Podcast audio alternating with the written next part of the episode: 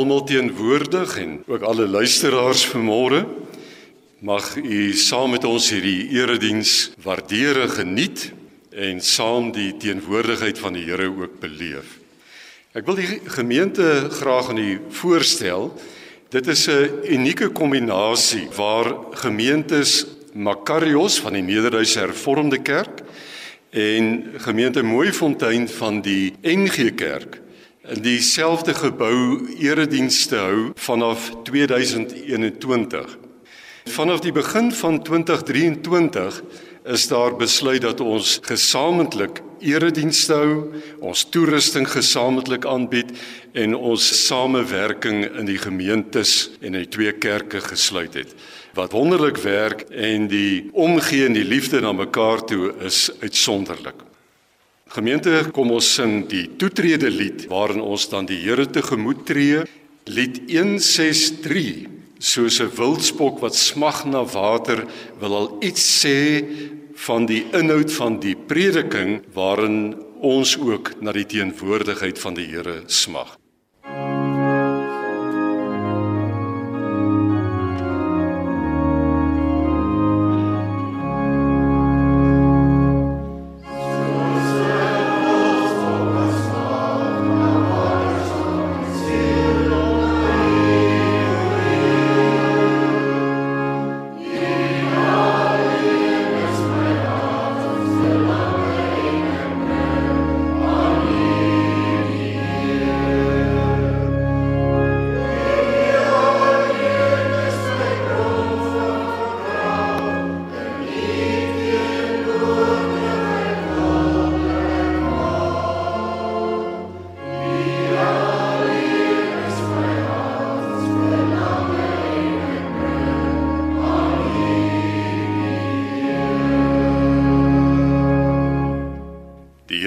Jesus nooi ons kom na my toe almal wat uitgeput en oorlaai is en ek sal julle rus gee.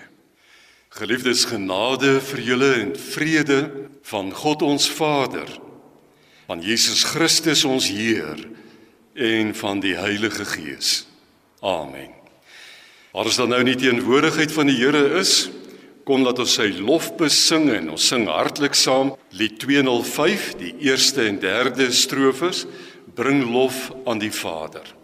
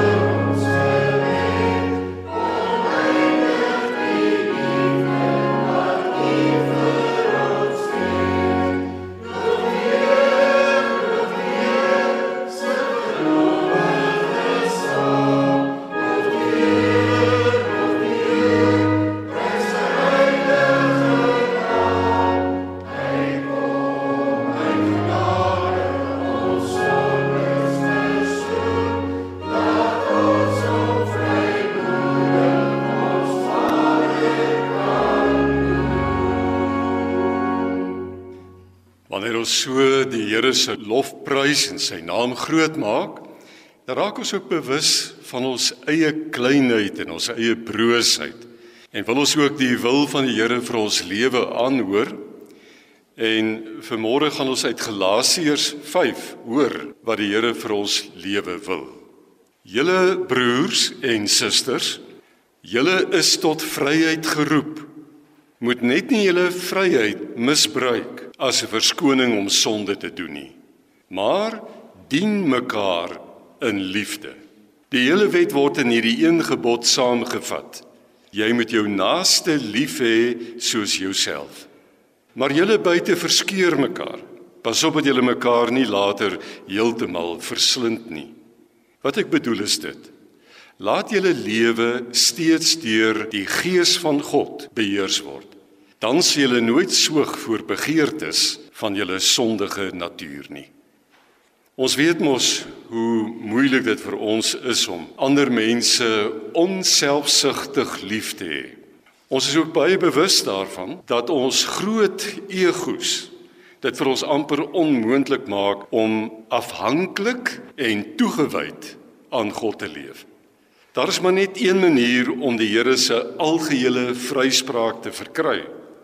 Jy moet dit as 'n genadegawe ontvang. Kom ons bely ons skuld voor die Here deur die woorde van Lied 239, die tweede en die derde strofes bidend saam te sing.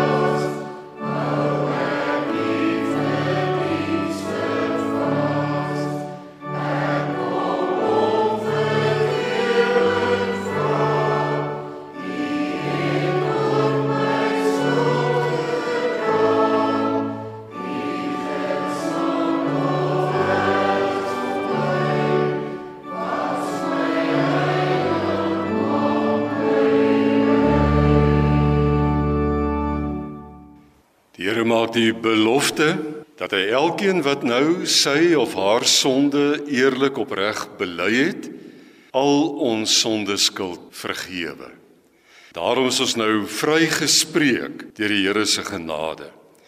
Kom ons bely opnuut voor die lewende Here wie ons deur sy genade vrygespreek het dat ons in hom glo deur saam te sing uit lied 454 die eerste, tweede en derde strofes as ons geloofsbelijdenis.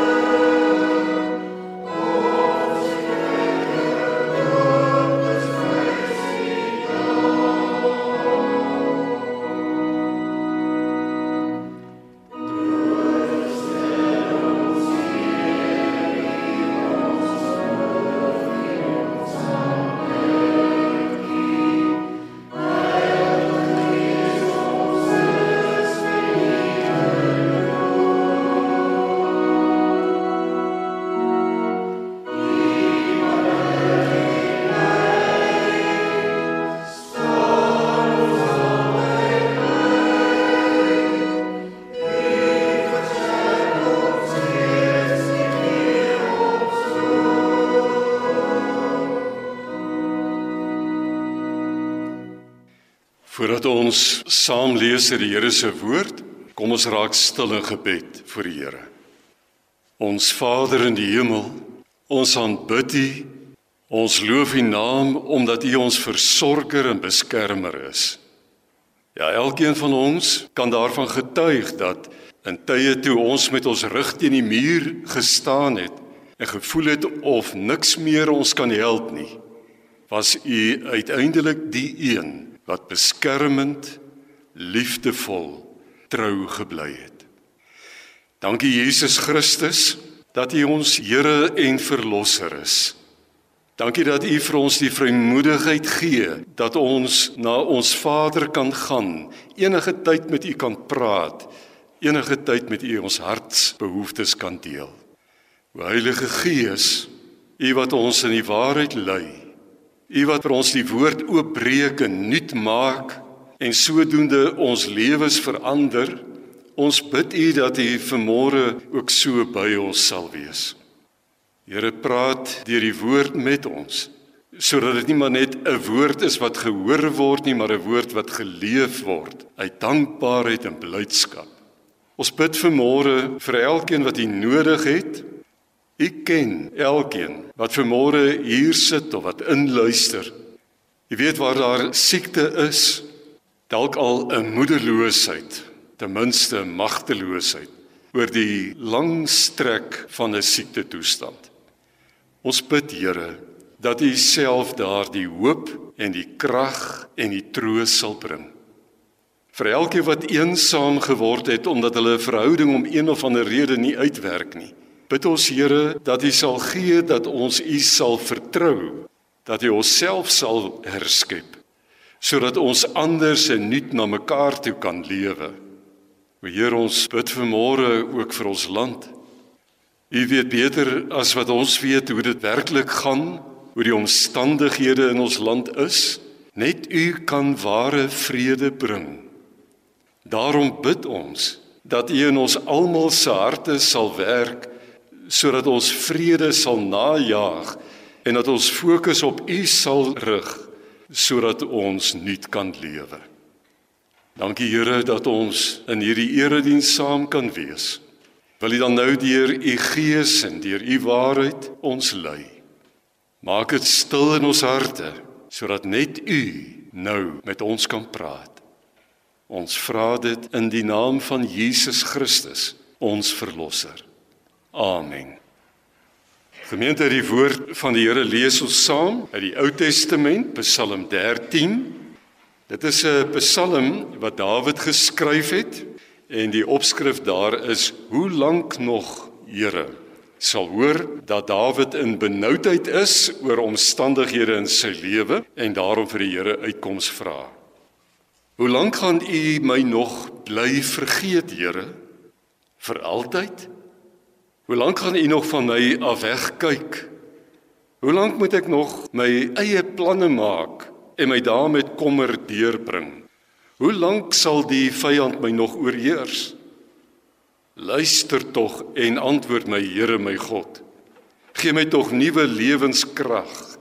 Ek wil nie sterwe nie, anders sê my vyand het my oorwin en juig my verdrukkers oor my ondergang. Ek hou vas aan u troue liefde. Oor die uitkoms wat U gee, juig my hart. Ek wil sing tot eer van die Here omdat hy aan my goed gedoen het. Net tot sover die skriflesing.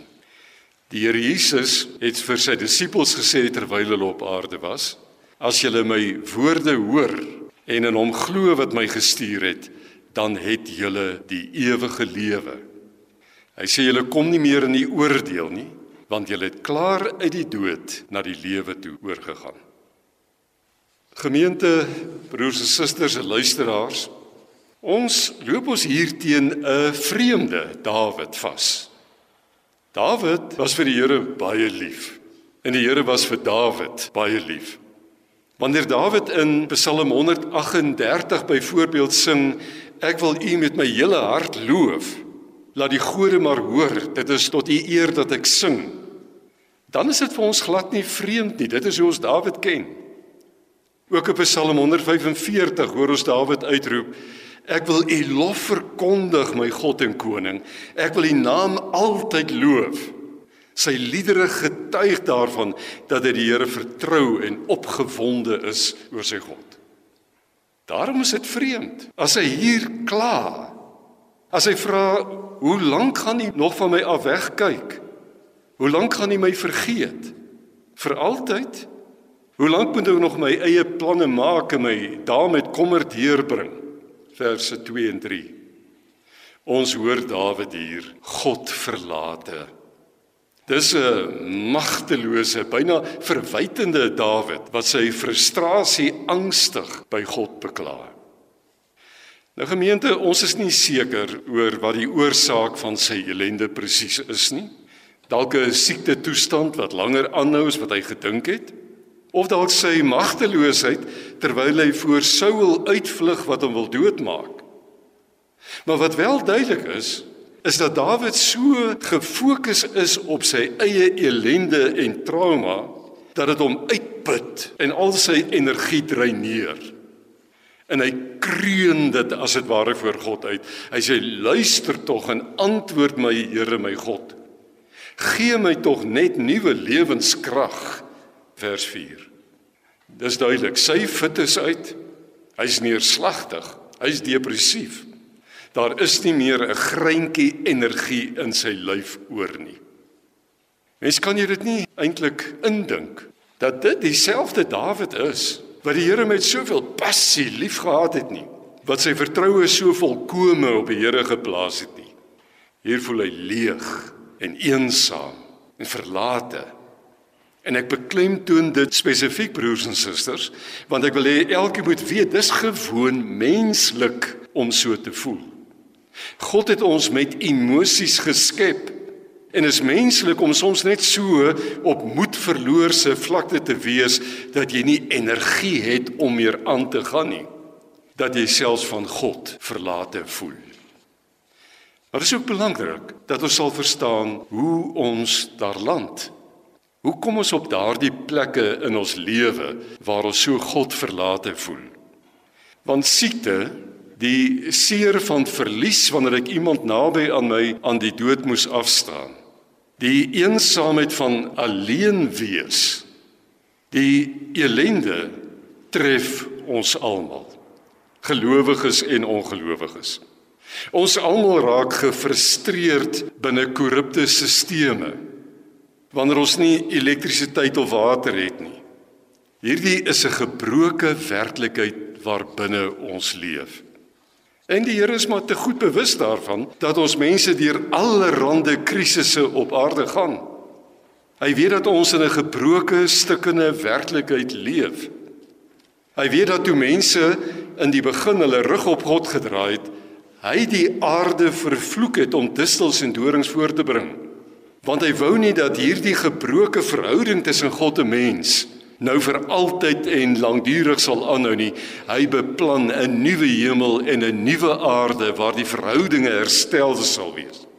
Maar die aarde soos ons dit ken, is in 'n proses van vernietiging. En alles wat ons hier ken sal eers tot niet gaan en dan sal die nuwe hemel en die nuwe aarde sonder gebrek en sonder stukkenheid sigbaar word. Dit beloof die Here ons verseker. Maar nou, nou is ons werklikheid die stukkenheid wat ons rondom ons sien.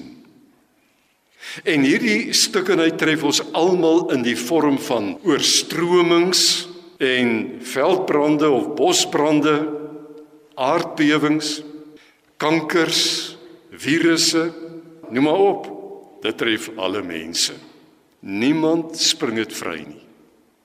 En dis nie die Here wat hier eers verhewe en ongevoelig sit en besluit jy moet nou diabetes kry en jy moet 'n kind verloor en jy moet nee. Die ellende in hierdie wêreld tref ons almal. Ons almal is deel van die gebroke werklikheid waarbinne ons leef. Aan die ander kant is ons geskep met 'n vrye wil. Die Here het ons na sy beeld gemaak wat onder andere beteken dat ons eienskappe het wat God het en dat ons ook vrylik kan kies soos God kan keuses maak. En dikwels maak mense keuses dwars teen God se wil in. En so bring ons dan elende oor onsself en ook oor ander mense. Gaan kyk maar terug op jou lewe. Baie keer is dit keuses wat jy gemaak het wat veroorsaak het dat jy jou kop gestamp het. En dan vra ons, maar Here, hoe kan U nee, dis nie die Here nie, jy het gekies en dit is die natuurlike uitloop van die keuse wat jy gemaak het.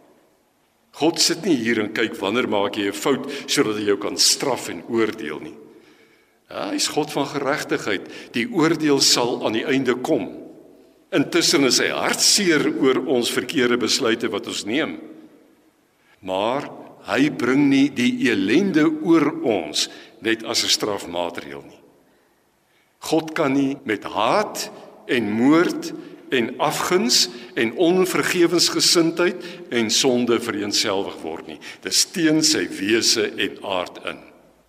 Maar gemeente, wanneer ons binne in hierdie seer en hierdie verlatenheid van ons stukkende wêreld vasgeval raak, dan dreineer dit ons van al ons kragte en ons energie. Dan raak ons ook neerslagtig en gefrustreerd en beangs oor wat dit vir ons toekomstig inhou. Maar hou in gedagte, hoe 'n mens dit bestuur in jou lewe, gaan 'n groot invloed hê op ons gemoedstoestand en selfs ons gesondheid. Al daaraan gedink dat 'n mens vir jou brein kan lieg? As jy byvoorbeeld 'n nagmerrie droom het en jy droom jy val uit 'n hoë gebou uit In die oomblik wanneer jy die grond tref en jy wakker skrik, wat gebeur met jou lyf? Jou hart klop vinniger, jou asemhaling is gejaagd, jy is selfs nat gesweet en jy beleef angstigheid. Maar jy het nie geval nie. Nie eers uit die bed geval nie. Maar jou hele lyf reageer asof jy geval het. Met ander woorde, dit waarmee jy jou brein gaan voer, gaan verseker groot invloed hê op jou gemoedstoestand, op jou geluk, op jou vrede wat jy ervaar te midde van al die ellende wat jy om jou beleef. Dit kan selfs 'n groot uitwerking hê op jou fisiese gesondheid. Want toe Dawid op sy ellende, die dinge wat hom bedreig het, toe hy daarop gefokus het, het dit hom fisies gedreineer, sy liggaam aangetast en hy het uitgeroep gee my tog net nuwe lewenskrag in vers 4 dit het hom diep neerslagtig gemaak nou weet jy terwyl ek een aand huisbesoek gedoen het luister ek op my karradio na gesondheid sonder grense wat destyds 'n program op RSG was. Daar was 'n biochemikus en 'n beraader in die ateljee en hulle het met negatiewe denkers gewerk. Hulle waarneming was dat mense wat voortdurend negatief dink, se cholesterol onstabiel is, suiker onstabiel is, bloeddruk onstabiel is. En dit het toe gebleik uit hulle eksperimente dat hierdie mense se brein chemiese stowwe na die liggaam toe afskei wat toksies is, wat giftig is vir die liggaam. So negatiewe denke beïnvloed die fisiese gesondheid van mense was hulle gevolgtrekking. En nadat die beraader toe 'n kontrolegroep eenkant geneem het en hulle in berading begelei het tot positiewe denke, is dieselfde toetse weer op hulle gedoen. En toe blyk dit dat hulle bloeddruk gestabiliseer het, hulle cholesterol gestabiliseer het en ook hulle suikervlakke. Toe skei die brein goed voel chemie af. Endorfine en dopamine. En dit het die genesende effek op die mense se siege en ook op hulle liggame dat hulle ook fisies aangeraak is tot 'n mate. En toe ek dit die aand hoor in my kar, toe sê ek nou verstaan ek Psalm 13. Die Here het ons so saamgestel as mense so in verhouding so tot sy beeld saamgestel dat wanneer ons hom vertrou binne in ons nood en binne in ons pyn op hom fokus afhanklik van hom leef dan skei die brein chemiese stowwe af wat reeds tot 'n mate genesend op ons liggame en geestesgesondheid kan inwerk. Dit was van die begin af God se bedoeling toe die mens geskep het dat ons in verhouding met hom sal lewe. En daarom is hierdie verhouding met God vir ons so verfrissend en verrykend en genesend. Ons totale menswees reageer positief op so 'n intimiteit, 'n nabyheid met God in ons lewe. En ons sien dit presies so by Dawid. Hy het van die chemie in sy liggaam net mooi niks geweet nie. Maar hy die emosie wat deur die liggaamschemie veroorsaak is, het hy konkreet ervaar en hy het 'n wonderlike lied of 'n gedig daaroor geskryf. Toe hy op 'n punt in sy lewe kom waar hy besef dat hy nou niks meer oor het nie.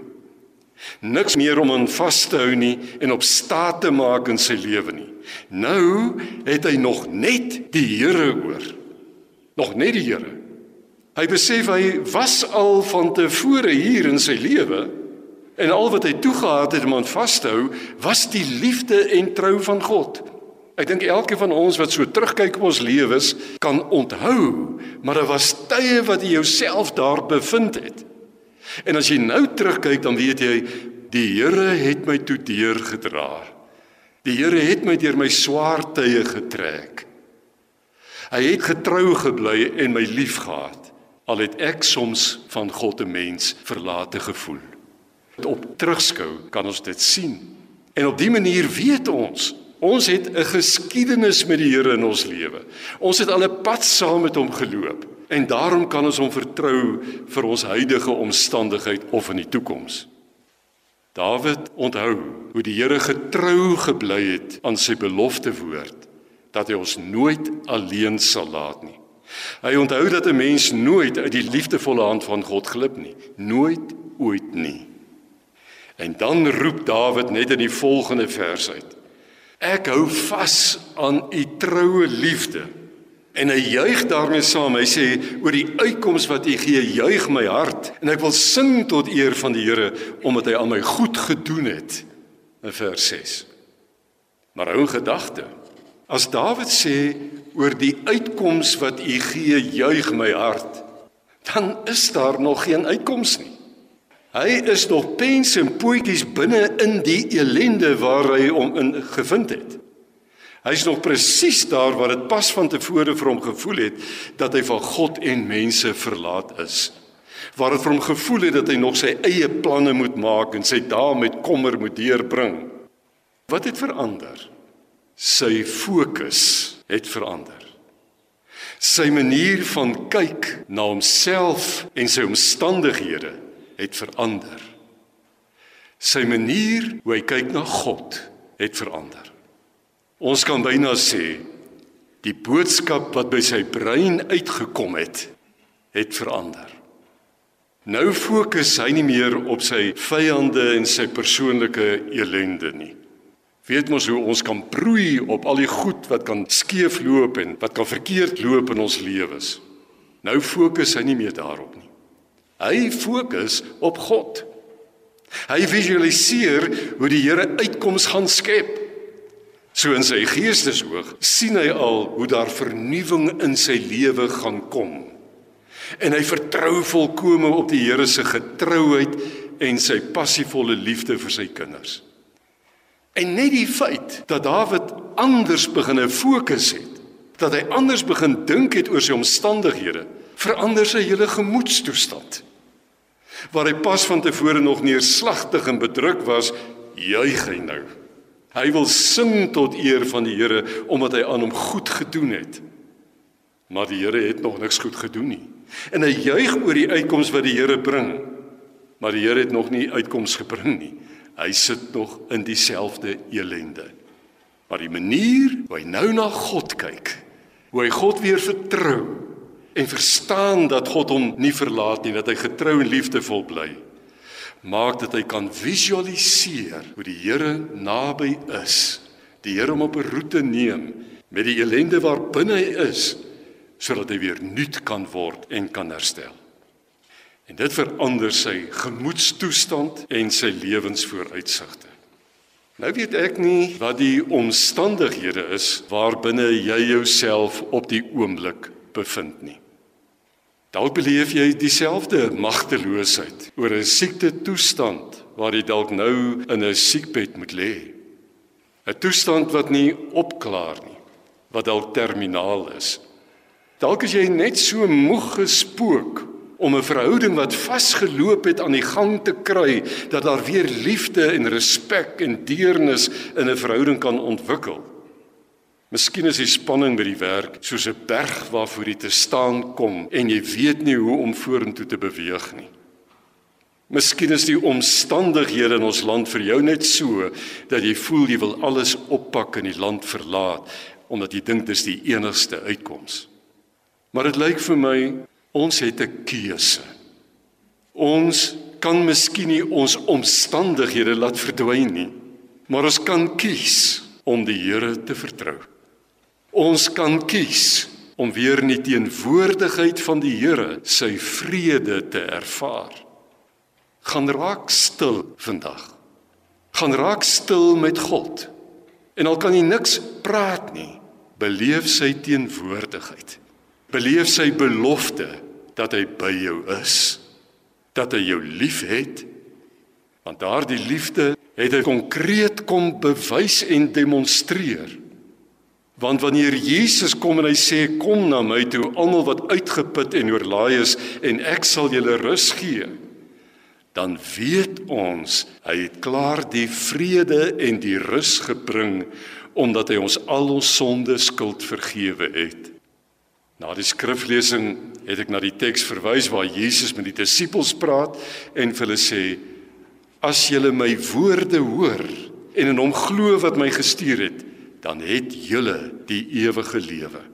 En julle kom nie meer in die oordeel nie, want julle het klaar uit die dood na die lewe toe oorgegaan. Wat 'n vreugdevolle boodskap. Wat 'n vertroostende woord. Ons is nooit ooit alleen nie. Ons vrees nie die dood nie, want die dood is oorwin in Jesus Christus. Deur sy opstanding het lewe ook vir ons reeds werklikheid geword. Mag die Here gee dat elkeen wat vandag vermoeid en belas voel, by hom sal stil word. By hom sal vrede vind, by hom rus sal kry. Amen. Ons gaan nou saam bid en nadat ek met die gebed voortgegaan het, dan gaan ons saam gesang 266 of lied 266 sing waarin ons dan die gebed voortsit. Kom ons bid saam.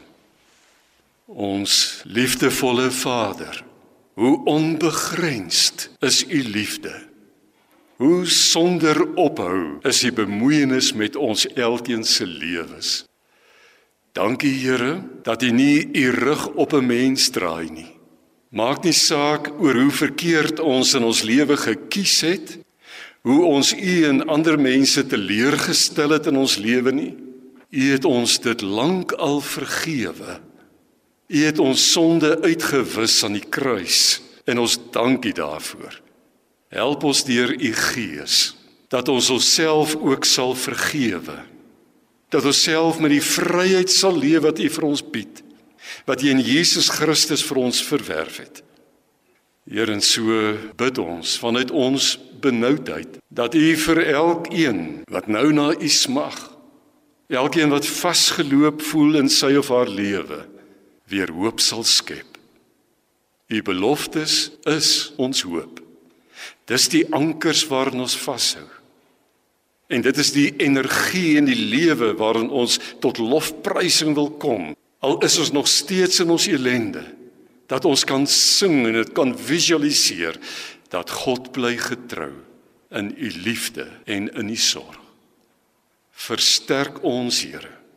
Seën u kerk op aarde sodat daar ook eenheid en eensgesindheid in almal se harte sal wees dat ons eenheid en eensgesindheid die liefde van Christus na ons gemeenskappe toe sal uitdra dat dit sigbaar en tasbaar word en ons saam kan jubel ons Here leef u het opgestaan en u is by ons Dit kom vra ons en bid ons alles in die naam van ons Here en Verlosser Jesus Christus.